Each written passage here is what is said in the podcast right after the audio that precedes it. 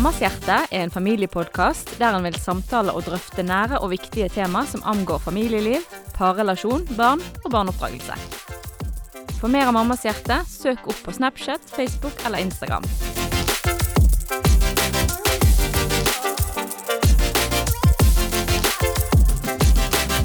Hjertelig velkommen til Mammas hjerte-podkast. Det er kjekt å være i gang igjen. Hei, går det bra? Det gjør egentlig det, altså. Det gjør det. Jeg begynte å jobbe igjen. Det er fint. Lykkefølelse, faktisk. Litt sånn euforifølelse av å komme seg ut av huset. Kan være litt pga. permisjonen, litt pga. korona. Men uansett, samme følelse. Du, jeg har laget dilemma til deg i dag, Katrine. Spennende. Nå er jeg spent. OK? Ville du Yes. hatt konstant lekkasje av brystmelk, sånn at det var umulig at ikke folk så det? At du hadde to sånne ringer med på en måte morsmelk? Altså, da måtte du hatt det hele tiden. Ja. Eller alltid luktet tiss. Oi. Alltid luktet tiss eller sånn morsmelk. Oi, oi, oi. Nei, hva ville du valgt? Nei, det er du som skal svare på dilemmaet, ikke Nå er det jeg som svarer. Ingen av de, er det lov å si? Nei, jeg tror eh, hvis du lukter tiss, så kan du alltid skylde på den ved siden av deg. Eh, ellers kan du bare stynke deg i Noah eller Laura. Men eh, hvis du Du kan ikke skylde på noen hvis det pipler ut melk av T-skjorten hos den. Um, så er i hvert fall hvis du har tenåringsbarn. På en måte, du kan liksom ikke Jeg, ammer. Altså Nei, sant. Hva har skjedd? Nei, men jeg tror jeg går for at jeg, jeg ville luktet eh, urin, altså. Det er mer man kan gjøre med det enn eh, Ja, men dilemma, i dilemmaet ligger det at man kan ikke egentlig løse det. Det er ikke sånn, for Da er jo dilemmaet lett, hvis du kan løse det. Bare liksom vaske deg hvert tiende minutt. Altså, det, det er ikke lov med sånne ting. Det skal lukte tiss hele tiden, eller konstant sånne ringer. Jeg ville tatt igjen eh, urinstanken med min sjarm og mitt vinnende vesen. Det kunne du jo gjort lett. Ja. ah. Nei, men jeg tror jeg går for det uansett, altså. Hva hadde du valgt? Jeg tror jeg hadde gått for de der ringene, altså. Hadde du det? Jeg hadde bare lagt kunst av det eller et eller annet. Å lukte tiss, da tror jeg jeg hadde følt meg litt som en uteligger. OK, OK. Nei, men godt dilemma. Godt jobbet. Um, vi har en spennende prat eh, på lur til dere der hjemme i dag. Kanskje dere vil høre litt babylyder. Fordi at i dag har vi med oss en fantastisk mamma som også har med seg en fantastisk baby. Vi har med oss Nina fra Småbarnsforeldre, for de som kjenner til og har fulgt med eh, Nina i noen år. Det har vi gjort. Så hei, Nina. Hjertelig velkommen til oss. Takk. Det var utrolig beærende at du har tid i din travle hverdag til å sette deg ned med oss og, skvaldre litt. Det var veldig, veldig koselig. Um, hvordan går det hjemme nå? Med, med, det har jo vært pre-korona og uh, nyfødt baby og alt sammen. Du nevnte for meg i sted at det var liksom noen det var positive ting som hadde kommet ut av dette her korona eh, hjemme hele familien i et hus. Eh, hva er det du ser som har vært eh, positive virkninger av det for dere som familie? Jeg vil jo ikke bli helt klisjé, men for vår del så har det jo gitt oss rom til å se barna på en litt annen måte. Eh, mange liksom dro paralleller til at dette er vi vant med fordi det er, vi har jo ferie, sommerferie. Men dette var på en måte ikke ferie. Eh, og vi lot det aldri bli ferie heller. Så vi endte jo opp med å på en måte se barna i en litt annen situasjon i forhold til forpliktelser, i forhold til skole og litt sånne ting. Vi er jo en familie som er veldig, veldig mye sammen. Men pga. dette her så ble vi jo enda mer sammen. Men eh, det gjorde at alle så hverandre på en litt annen måte. Vi har f.eks. en på ett og et halvt år snart som har litt eh, motoriske utfordringer. Som virkelig har dratt nytte ut av den tiden vi har hatt nå. Med, det er jo ulike lekegrupper nærmest hos oss når alle barna leker på gulvet, så han hadde jo kjempetravelt med å komme seg fra den ene gruppa til den andre. Og da selvfølgelig med verdens største heiagjeng med på slep. Ja, fantastisk. Ja. Nei, for dere er jo en eh, fin flokk. Du har altså syv eh, barn, du og din kjære mann. Og er en fantastisk flott familie som deler rett og slett ganske mye liv på blogg og på Snap og på Instagram. Og regner jo med du får mye tilbakemelding på eh, alt det du deler, og inspirasjon. Og, og, dere har jo etter hvert også startet en barneutstyrsbutikk eh, som dere selger mye ut av disse her eh, hobbyting, og dere gir mye god både informasjon og inspirasjon.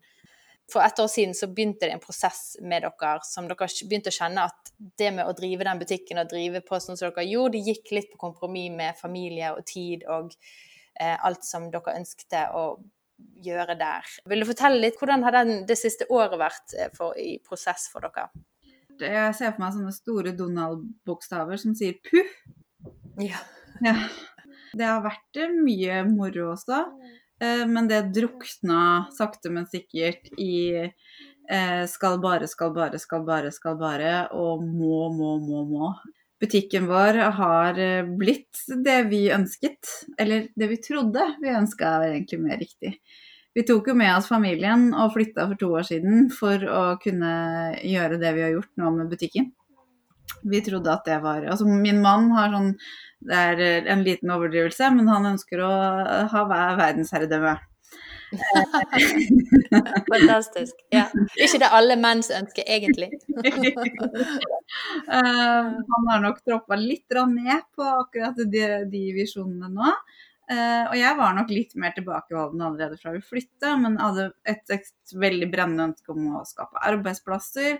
Uh, og lage, lage, noe som skjedde også lokalt, og ikke bare på nett. Da. Altså jeg, jeg kjente et sug etter å møte mennesker og se mennesker, og ikke bare taste på en skjerm, da. Uh, og det oppnådde vi. Men med å hoppe fra en liten rød stue på 60 kvm, som vi drev butikken fra på en liten bygd, til 1500 kvadratmeter kvm eh, stort lokale, eh, med vesentlig høyere leie og andre forpliktelser, så skjer det fort noe med en bedrift. Istedenfor at oi, det hadde vært gøy å gjøre det og det, så var det mer litt sånn ok, nå må vi bam, bam, bam, bam, bam, bam, bam for å få denne måneden til å gå rundt det ble en ganske stor maskin, og det funka jo. Men det ble for mye. Så mye at vi aldri hadde tid til noe annet. Så kjente, jeg kjente det veldig fort i forhold til de største barna, som på en måte ofte kommer ut av sine skjul når de hører at de minste er lagt. Eh, og det de møter, da er på en måte en mamma og pappa som sitter i skjermlyset og taster og, og peker hvor uh, brødfjøla står, så de kan lage seg kveldsmat selv. Det er greit når det er sånn i perioder, jeg tror alle har det sånn i perioder. Men når det er sånn hver eneste dag, og når du da lukker lokket, kjenner på at du gjerne skulle ha jobba et par timer til, da ja. Så når jeg fikk Daniel da, i januar 2019, så kjente jeg at bare at når han kom, at det var en gave. Fordi da hadde jeg en eller annen form for unnskyldning til å bare si den verden kan bare gjøre akkurat hva den vil, for at nå må jeg være mamma. Eh, hadde noen som var 100% avhengig av meg, og da gjorde den litt altså, jeg ble litt eh, klarere i toppen, og så litt mer hva som var viktig for meg, da. Nei, jeg syns det er utrolig tøft å lese hvordan dere deler prosessen deres i forhold til bare dere tør å satse, da. Dere er jo begge to gründere og bare tør å se mulighetene, satse, flytte.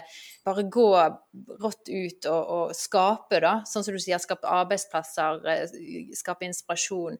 Men så også ta og kjenne på, liksom, og være ærlig med at OK, nå, nå gikk jeg for langt, og på en måte omstrukturere litt og finne ut hva er det som passer for dere. Jeg synes det er veldig fascinerende å på en måte kunne gjøre det, og ikke bare hele tiden leve så Ikke bare leve som bankers, at på en måte alle valg du tar, alle hverdager og alt går, liksom er bærekraftig. Og jeg, jeg drømmer jo om en bærekraftig livsstil, men jeg elsker noe med det der med å bare gå hodestups etter noe, en visjon, en tanke du har, og så, og så bare må du nødt til å av og til gjøre noen valg fordi at du ser at her, her må vi nødt til å omprioritere litt, eller her må vi gjøre om litt. Og så er ikke det så farlig, det er ikke så gale. Man prøvde i hvert fall, og man gjorde noe kjempebra. Så kan man være stolt over det man fikk til, men så kan man også stolt si at ok, nå må vi nødt til å snu litt om, og nå må vi nødt til å gå i en litt annen retning, for nå ser vi at dette er det som er riktig for oss.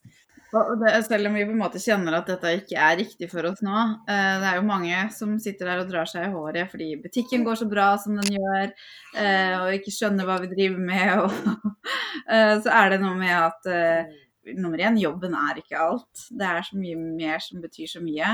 Og for mange kan dette kanskje virke som en hodestupsavgjørelse, men det er jo ikke det. Det er jo noe som har ulma og grodd i to år. Vi kjente jo på det allerede fra første månedene vi kom hit, at vi savna den lille bygda vi flytta vekk ifra. Og så har vi lært så sinnssykt mye. Det er så mye lærdom i to årene her sånn, som vi er så takknemlige for at vi har fått med oss. Mm. Da er det bare å huske det, da, og ikke glemme det. Altså, vi har jo fulgt litt med på deg. Ikke som stalker, men på, på uh, offentlige medier som man har lov til å se på. Ja. Em, så vi uh, bet oss jo litt merke i at du av og til har uh, lagt ut noen blogginnlegg i forhold til det her med å gi tilbakemeldinger til hverandre som mødre og som mennesker, egentlig. Og du er jo ganske eksponert ute i den sosiale verden. Men jeg tror jo du opplever bare litt mer av det som alle opplever en del av. Det vi hadde litt lyst til å snakke om i dag som på en måte hovedtema, var det her med det populære uttrykket, eller eventuelt upopulære uttrykket, mammapolitiet. Eh, Og kanskje dykke litt inn i det å gi hverandre tilbakemeldinger, da, på godt og vondt. Ja, er det sånn at du får, eh, får du mye eh, hets og mye på en måte 'hvorfor det', og 'hvorfor gjør ikke du sånn', og når du på en måte deler av, eh, av deres hverdag, er det, er det mye pekefingeren ute og går? Vet du hva, jeg får så mye kjærlighet. Eh, Ja. Og det er så fort gjort å glemme å si det, så det vil jeg si først. Det er så mye kjærlighet der ute. Eh, og det er, jeg har verdens største heiagjeng, tror jeg. Eh, og har jo sagt at alle slitne småbarnsmødre burde hatt muligheten til å låne min Snapchat-konto innimellom. Det jeg får se, og de øyeblikkene de tør å dele med meg, og de fine ordene de sier om oss og vår familie, er på en måte det som kommer først. Men så kommer jo de som stikker litt sånn ekstra. De som ser det jeg ikke kunne forutse at de skulle se. For det er jo gjerne det at eh, når jeg får den første lille kommentaren, da, så ser jeg jo det, at den burde jeg sett komme. Så jeg begynner å bli ganske god på å, å filtrere ut hva jeg viser og ikke viser. Men eh, hvis vi skal bruke mammapolitiet, så er de hakket bedre enn meg. Så, så fort jeg har muligheten, så kommer de ut eh, og, og tømmer det de har. En ting som jeg brenner veldig for, er jo dette med å dele ekte liv. Og det å vise det at livet er ikke perfekt. Og jeg får ikke til å være mamma perfekt. Og jeg gjør ikke alt perfekt. Fordi at folk trenger å se folk som faktisk griner. Sant? Jeg, synes, jeg elsker når du viser din føl følsomme side, for dette, det er veldig få som gjør det. Da senker man listen, da. Så jeg tenker at hvis man skal være ute og, og, og på en måte være pekefinger, og du, du må nødt til å passe på at du gjør alt riktig og sånn, så vil man jo skape et bilde som vi egentlig ikke vil ha der ute. Av en sånn liksom perfekte verden. Så jeg tenker jo at det er jo én side av saken, at eh, jeg tror man skal heie på de tingene som ikke er perfekt alltid. For det, er det som gjør det viktig å vise, da. Vi har jo tre kategorier vi har lyst til å på en måte bare drøfte litt rundt. For én ting er jo det å dele og gi tips og gi råd. For dette, kanskje jeg er helt uviten om en ny eh, ting som er kommet på markedet som kan kanskje hjelpe meg kjempemye inn i den, akkurat den gitte situasjonen. Eh, så da er det godt å gi et tips til denne mammaen om at du, du skulle jo eh, testet ut dette her. For det kan være det. Det funket for min baby, kanskje det funker for din baby. Sånn som Katrine sa, vi har tre ulike kategorier som i hvert fall vi kom fram til, da, er på en måte måter å gi tilbakemelding på, der to av de eh, vil i hvert fall jeg anse som destruktive og negative, og en av de er positiv. Det som kan være positivt med å gi tilbakemelding til hverandre, er jo det her med å, at man faktisk kan komme med tips som kan hjelpe hverandre. Og det tenker jeg er jo kjempepositivt. Men så har jo du innenfor den da at eh, det er forskjell på hvordan man gir tips. Eh, og så er det kanskje ikke alle du trenger å gi tips til. Og det er ikke alle som har bedt om å få et tips. Og det er ikke alle som er mottakelig for å få et tips på absolutt alle tidspunkt. Så der er det jo en del å hente.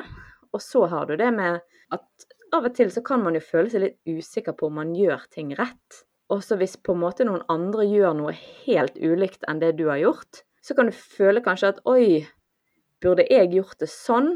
Men så kjenner du at nei, det funker ikke her. Og da får du kanskje behovet for å kritisere den andre for å gjøre annerledes enn deg. kanskje litt for å kompensere for din egen usikkerhet i forhold til at ja, men jeg gjør jo det motsatt. Hvordan kan da de gjøre det så annerledes og likevel at det er greit? Er det ikke greit sånn jeg gjør det, så er det en hel sånn her suppe inni den. Og så har du den siste som jeg syns er den verste, kanskje. Og det er det her med å spre frykt. Mitt beste eksempel på det, som jeg lot meg rive litt med av, det var på en periode, spesielt på Facebook, så gikk det mye sånn her før sommeren. Det kan godt være det gjør det hver sommer, men det gikk mye sånn her Pass på i forhold til stilledrukning. Og jeg bare tenkte hjelpe meg, sant. Vi skulle gjerne til Syden eller sånn, og bare tenkte det Å nei, kan liksom Kan ungen min bade i det hele tatt?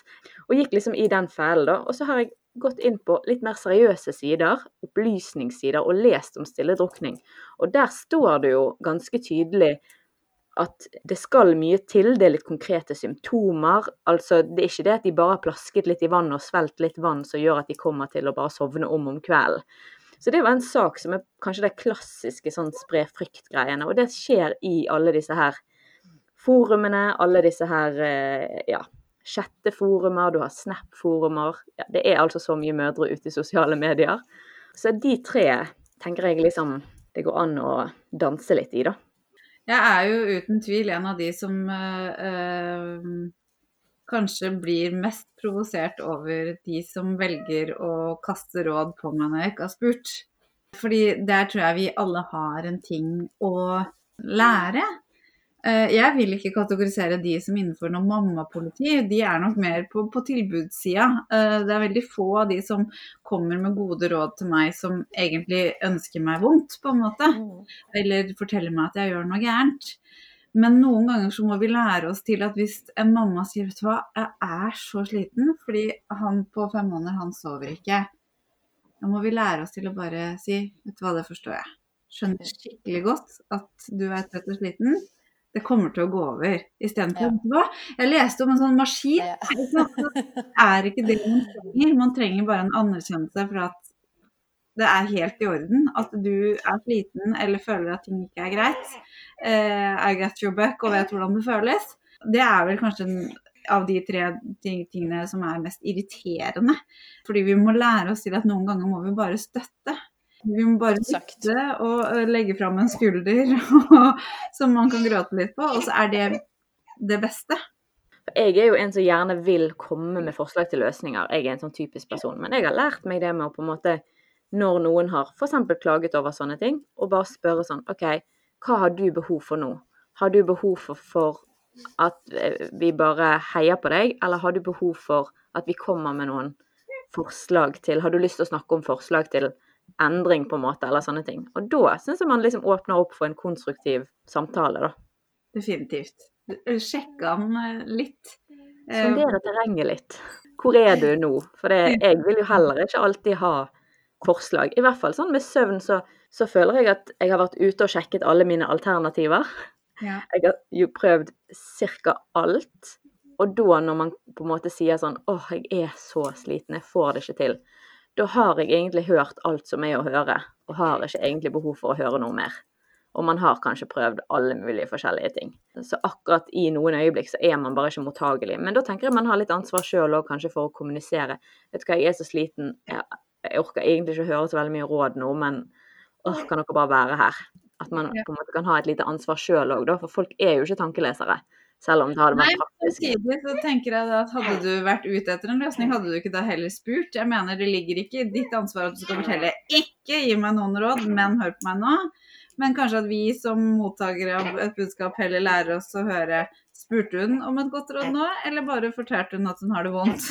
Det er, det er to vidt forskjellig. Og dette er jo noe jeg opplever veldig, veldig mye. Og har måttet oppleve, eller ender opp med at jeg nå trenger jeg ikke flere råd. Og da er det mm. ofte at mammapolitiet titter innom og blir relativt på alerten og er veldig snurt og fornærma, for de skulle kanskje til å fortelle meg hva jeg burde ha gjort. Eh, og så velger de å ikke gjøre det fordi jeg er bedt om å ikke gjøre det.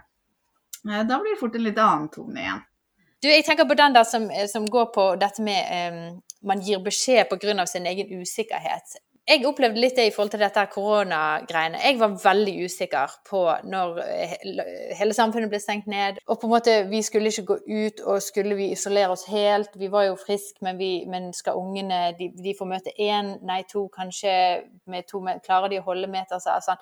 Jeg var veldig usikker. Jeg syntes det var veldig forvirrende i begynnelsen å forstå seg på disse reglene og smittevern, eh, og ble til at måte, jeg holdt meg mer inne, nesten i frykt for å gjøre feil. Eh, I noen tilfeller som mor også, så kan man oppleve det at man blir så usikker på noe at når man ser noen andre gjøre noe, så kommer man med en litt sånn her Det, det ville ikke jeg gjort, eller på en måte en pekefinger på å, vise at det der var ikke så lurt. Men så er det fordi at man sjøl ikke helt vet hva man ville gjort. Har dere opplevd noen sånne? Det opplever jeg veldig ofte, og det fascinerer meg fordi eh, da virker det som om rullegardina har gått ned på at vi alle er unike og ulike, og det er også barna. Jeg har skrevet om det også, for det jeg syns er litt spennende her, er at det er kanskje ingen annen rolle i livet vi får som gjør oss så usikre som mammarollen. Likevel så velger vi de situasjonene der å sette oss oppå en fasit. Og så sitter vi og peker ned på alle vi tenker gjør gærent. Og det henger jo ikke på greip i det hele tatt. Det opplever jeg til enhver tid. Jeg ammer både for lite og for mye.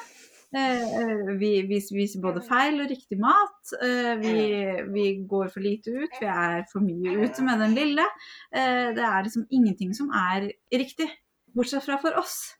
Og det er liksom det som er så spennende her, at vi, vi ikke klarer å se på at andre løser livet eller mammarollen på en annen måte enn oss selv. For da blir alt gærent. fordi da får jo ikke vi noen bekreftelse på at jo, det du gjør, det er helt riktig. Du har nevnt det tidligere, dette med at folk ser jo kanskje ti minutter eh, av en 24 timers dag hos dere, så de vet jo ikke omstendighetene for det valget du gjorde akkurat der og da. Så det, man skal tenke seg litt om. Og vi, jeg tror vi har vært inne på det før også, dette med når man skal komme med en beskjed eller komme med et synspunkt, så på en måte skal man være veldig forsiktig med hvordan man sier det, fordi at man vet ikke hva som ligger til grunne for det valget man har tatt. Og det er viktig å snakke om og sette ord på, tror jeg. Sånn at det blir med i bevisstheten av hvordan vi snakker med hverandre og til hverandre. Så kan man jo spørre seg om man bryr seg om eller bryr seg med. Det er et veldig godt spørsmål. For jeg får jo ofte spørsmål om kan jeg aldri si ifra? Jeg, hvis jeg ser noe jeg syns ikke er riktig, kan jeg ikke si fra. Hvis jeg ser noe jeg syns er farlig, kan jeg ikke si fra. Da tenker jeg at alle har et ansvar om å bry oss om. Og hvis vi ser en mamma som gjør noe vi vet er potensielt farlig, så er det lov å si ifra, tenker jeg. Der eh, kan du fint dra av deg mammapolitikapsen og si ifra. Men da er det liksom måten man pakker dette inn. Jeg har jo uh, fått uh, å kalle det at jeg har redda liv, jo, uh, men det er jo mange som har på en måte gjort meg bevisst på feil jeg har gjort som kanskje ikke har vært helt uh, innafor. et eksempel, det var jo ikke sånn kjempefarlig, men jeg hadde babyen, jeg putta babyen i bilstolen. og så hadde jeg glemt å sette opp den bøyla man bærer bilstolen i, og så kjørte vi. Og så filma jeg. Jo, jeg rakk å filme den babyen 0,3 sekunder da, i den stolen, for der er jeg veldig forsiktig. For der vet jeg at der, på bilsikring gjør man aldri ting godt nok for alle. Nei. Men jeg filma den babyen, og da fikk jeg to meldinger. Og den ene ga meg beskjed om at hun trodde kanskje at hvis hun så at det var riktig bilstol, at den bøyla kanskje sto feil, og at det var lurt av meg å sette den opp. Eller sjekke med leverandøren sine sider om det var sånn hun trodde det var. Neste melding. Du er klar over at du har satt barnet ditt i en dødsfelle. Det er to litt forskjellige måter å gi den beskjeden på. Ja, en som hm, kanskje du burde undersøkt. Hun var til og med kildekritisk til seg selv. Eh, og sa at jeg er ikke, ikke stol på meg, sjekk det ut, men uh, det kan være lurt. Og den andre kalte meg en morder. Så det eh, tenker at det er jo en fin, fint bilde på hvor man faktisk kan stemple noen som et mammapoliti. For det er jo noe med at man mener kanskje at det uttrykket er blitt litt misbrukt. Og vi er nok litt eh, på alerten i forhold til å kalle noen mammapoliti også, når vi føler oss krenka på et eller annet vis. Men det der er et godt eksempel, for det handler fryktelig ofte om hvordan ting blir sagt. Og det er derfor det er så viktig å snakke om og sette ord på, og nesten lære hverandre hvordan man skal gi gode beskjeder. Konstruktive ting. Vi vil jo gjerne høre konstruktiv eh, veiledning og, og av folk man er trygg på, eller folk man ønsker å ta imot tilbakemeldinger fra, men det må jo bli sagt på rett måte. Mm. Da kan man si ganske mange ting. Det er jo mitt motto. Nei da. Men um, på et seriøst nivå, da, så uh, tenker jeg at en ting er på en måte sånne ting som du nevner, sant, med bilstol. Det kan på en måte hvem som helst gi tilbakemelding på, bare man sier det på en litt hyggelig måte. Men når det kommer til kanskje litt mer sånn større ting, litt såre ting, hvis du ser at det f.eks. er en, en mamma som du tenker at jeg tror kanskje at du er litt deprimert, jeg tror at du på en måte kanskje ikke slipper pappa nok til, som gjør at du er overbelastet. Altså sånne litt større ting, da. Så tenker jeg at i utgangspunktet så er det helt unødvendig å gi beskjed om sånne ting over sosiale medier til folk du ikke kjenner. Jeg tenker at når det kommer til litt sånne store ting, så er det de som du har tett på livet, som du har gitt tillatelse til å snakke inn i livet ditt, eh, det er de som skal føle ansvar for å komme med de beskjedene. For jeg tror at vi som mennesker, vi er flokkmennesker. Vi trenger å være sammen. Vi trenger fellesskap. Og vi trenger å støtte hverandre. Og vi trenger input fra andre. Men eh, jeg hadde ikke gitt den inputen til noen over sosiale medier. Jeg hadde gitt den til f.eks. Katrine. Kunne jeg gitt den beskjeden til. Jeg kunne gitt den til andre venninner som jeg har tett på livet. Og jeg ville hatt den beskjeden fra min familie eller fra mine venner. Men eh, for den siste, da. Eh, som er dette med å påføre andre sin egen frykt. Det er rett og slett å spre frykt, da, eh, Inger Nette. Har, har, du noen konkrete mm, tanker eller til eksempler på den? Nei, altså for eksempel kan jeg jo si at eh, når jeg var barn, så var jeg veldig allergisk mot egg. Så første gang jeg fikk egg, så ble jeg innlagt på barneklinikken. Og det er noe som jeg har med meg i tankene. Jeg har tenkt at eh, babyen vår skal få smake egg snart. Men jeg kvir meg litt, fordi jeg tenker jeg vil helst at det skal være på en hverdag. Jeg bare tar noen forhåndsregler, for min bror har, fått, har også eggallergi, har fått en datter, og hun har det òg. Sånn at um, jeg bare tar noen forhåndsregler. Men hvis jeg da hadde gått ut på et sånt Snap-forum eller noe sånt her og begynt å si sånn Vet du hva, dere må ikke gi ungene deres egg. Når jeg var liten, så skjedde det og det og det og det. Og vet du hva, det er faktisk ikke så fryktelig mange det skjer med da sprer jeg på en måte sånn gugge utover alle. Så skal de gå og være bekymret for det som på en måte jeg må ha som en Jeg har det som en risiko. Det er en risiko fordi at dette kan være arvelig. OK, jeg må bare være litt forsiktig når jeg skal introdusere det. La det ikke være liksom seint på kvelden en fredag eller lørdag, eller at det blir stress i forhold til legevakt og sånne ting. Ta det på dagen. Og ha tid til å gå til legen hvis det skulle gå gale. Så det er jo et eksempel der jeg kunne ha Mm. spredd frykt til andre mødre, bare for å ta noe. Det er lov til å fortelle sin egen historie på ting. Det har vært viktig for meg å tenke over når jeg deler ting i sosiale medier. er at Jeg kan fortelle ganske mye som skjer med meg, og som har skjedd med meg, og være åpen og ærlig og rå og ekte på det. Men jeg trenger ikke å legge på en 'dette skal også skje med deg'-forventning. Det kan være opplysende og et godt tips. Eh, men man trenger ikke legge den der bekymringen over at man må, må følge med, og her er det obs obs. Det handler igjen om måten man kommuniserer det på, tror jeg, da. Så er det jo ikke Eh. informasjon der som er relevant, på en måte. Det vil ikke komme alle godt med. Jeg har uh, hatt en seanse allerede på han som ligger her, som er fem uker. eh, hvor vi måtte inn på sykehuset for hans eh, helse. eh, hvor jeg fikk ekstremt mye spørsmål eh, hvor mange var interessert i å vite eh, ting de egentlig ikke hadde noen nytte av å vite. Og jeg valgte å være litt restriktiv i eh, hva jeg sa. Eh, jeg fortalte jo hva han skulle. Jeg fortalte at han skulle klippe tungebånd, eh, men der stoppa min informasjon. Fordi jeg og vet at det er et tema som er ganske opphøsa om dagen. Det er mye informasjon og lite kildekritikk, for å si det sånn, rundt det. Og dermed, siden jeg ikke er fagperson, jeg har kun mine personlige erfaringer og hans, så, så, så har jeg ikke mer å dele. Og det opplevde jeg også. Det er jo en, nesten en frustrasjon med. At det var sånn Ja, men fortell oss mer. Vi må få vite mer, sånn at jeg en gang kan være forberedt. Men jeg er ikke riktig person å få denne informasjonen herfra. Og det er jo kanskje det største problemet, at vi eier jo ikke kildekritikk. Når det er en venninne av en en venninne som har sagt et eller annet, så stoler vi på det. Så ja, jeg tenker at det er viktig at vi tenker oss om før vi deler noe som kan skape frykt, da. Jeg tenker en ting det at For å begynne her, da. Jeg, jeg er en person som bekymrer meg svært lite. Det er sånn jeg er skrudd sammen. Og da er det jo veldig lett for meg å på en måte ta den der ja ja, men vi har ansvar for våre egne følelser. Selv om jeg sier noe, eh, så må det ikke være sånn at du blir nødt til å forholde deg til det. Men så kan man jo velge da å være et hyggelig menneske og ha respekt for at folk er skrudd sammen forskjellig, og at noen er mer sårbare i forhold til dette med bekymring enn andre. Og at for noen så tar man veldig mye lettere inn sånne ting enn andre. Så jeg kan jo sitte på min høye hest, og på en måte folk kan si ting til meg, og så skaper det ingen bekymring for meg. Men da er man jo ikke sånn spesielt godt medmenneske.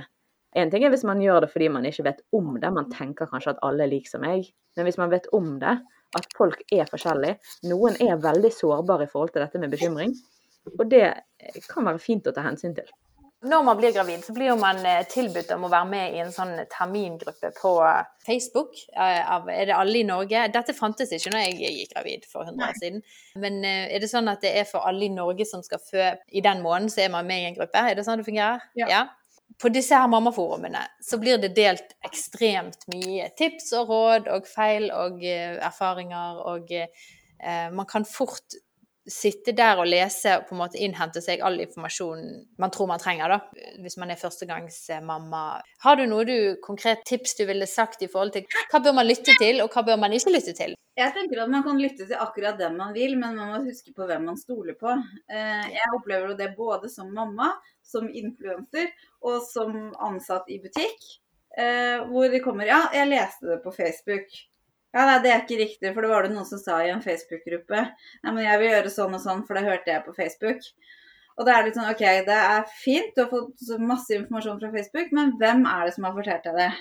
Hvem, hvem er det du har hørt på? Hvem er det som skrev det du har lest? Og det, den uh, virker det som om vi, vi har mista litt, den der. Jeg opplever jo ofte òg at uh, mange velger å spørre meg først hvis de er bekymra for barnets helse, før de spør en helsesøster eller en lege. Og da Mm. blir jo jeg litt skremt på hvor, hvordan vi tenker i dag. Jeg er jo mye mer tilgjengelig da, kanskje enn en lege som du kanskje må booke time til osv. Men at du likevel velger at det er førstehenvendelsen. Så jeg tenker at uh, her må vi bare lære oss litt de kunnskapene vi hadde når når vi skrev, skrev norskoppgaver og måtte henvise til kilder. Det er en viktig kunnskap som eh, man må ta vare på eh, også når man velger å innhente seg råd. Og det finnes jo grupper for enhver lidelse og, og eh, ethvert utstyr man trenger til barna. Det er jo gjerne barnevognforumer og bilstolforumer og alt. Inni der så gjemmer det seg mennesker som enten selger produkter, eller som tjener på det en eller annen grad, eller som bare tror at de vet fryktelig mye. Og så er det heldigvis så mye kunnskap der. Vi har en Ja, veldig fin det- regel inni vårt sånn Snap-konto, da. Det er at det var noe som var i veien med Samuel, da. Og da sa jeg jeg har tenkt å ta han med til legen i dag, men jeg bare lurte på om noen har opplevd det samme. Her er symptomene. For da har du på en måte gitt dem beskjed om at jeg prøver ikke å få dere til å ta ansvar over denne situasjonen. Og da har vi en liten sånn regel på, ja, på det der at man skal ikke komme med medisinske spørsmål, men man kan komme og spørre om noen har opplevd det samme. Ja. Og så skal man ikke nødvendigvis slå seg til ro med den informasjonen, det kan på en måte bare være tilleggsinformasjon. Men at hvis noe er galt med barnet, skal man spørre helsepersonell. Og meg og to venninner som har bodd sammen i tre år, vi skulle nå tilfeldigvis få unge med tre ukers mellomrom, og vi hadde en sånn chatgruppe. Og hun ene er jordmor, og da lagde vi òg en sånn liksom grunnregel at vi kunne stille hun spørsmål, men hun skulle ikke føle på noe ansvar rundt eh, de svarene hun ga. Men at bare sånne overfladiske spørsmål kunne vi stille. Og så måtte hun òg si sånn Men dette tror jeg du skal få fysisk sjekket, f.eks. Det kan være det her, men, men på en måte ikke ta mitt ord for det. At vi hadde litt sånne regler, da. Fordi ellers så kan man jo fort slå seg til ro med informasjon man får om barnets helse, og så er det kanskje helt feil. Ja. så blir det dumt. Så det òg bevisst eh, tenke over hvem er det vi stoler på, som du sier. Og, Ja, det syns jeg var en veldig fin setning. Du kan mm. lytte til hvem du vil, men eh, bestemme deg for hvem du stoler på. Den skal jeg ta med meg. Tusen takk, Nina, for at vi fikk eh, i dine tanker litt. Grann. Du har utrolig mye bra å komme med. Ja, du er en klok dame, vil jeg Ja. si. Jeg vil konkludere med det. Ja, Det er min mening, da.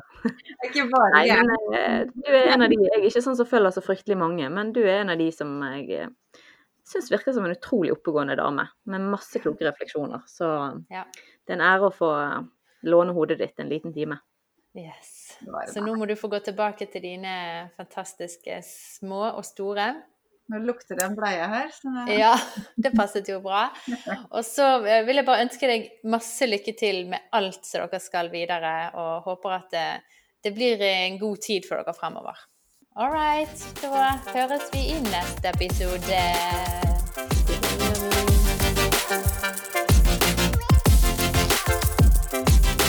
Hvis du har spørsmål, tilbakemeldinger eller ting du tenker på rundt det vi snakket om i dag, så har vi veldig lyst til å snakke med deg.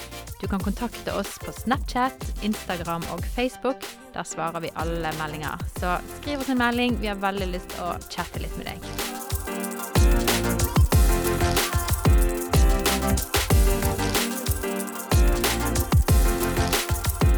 Denne podkasten er produsert i samarbeid med Tro og Media og Familiesenteret.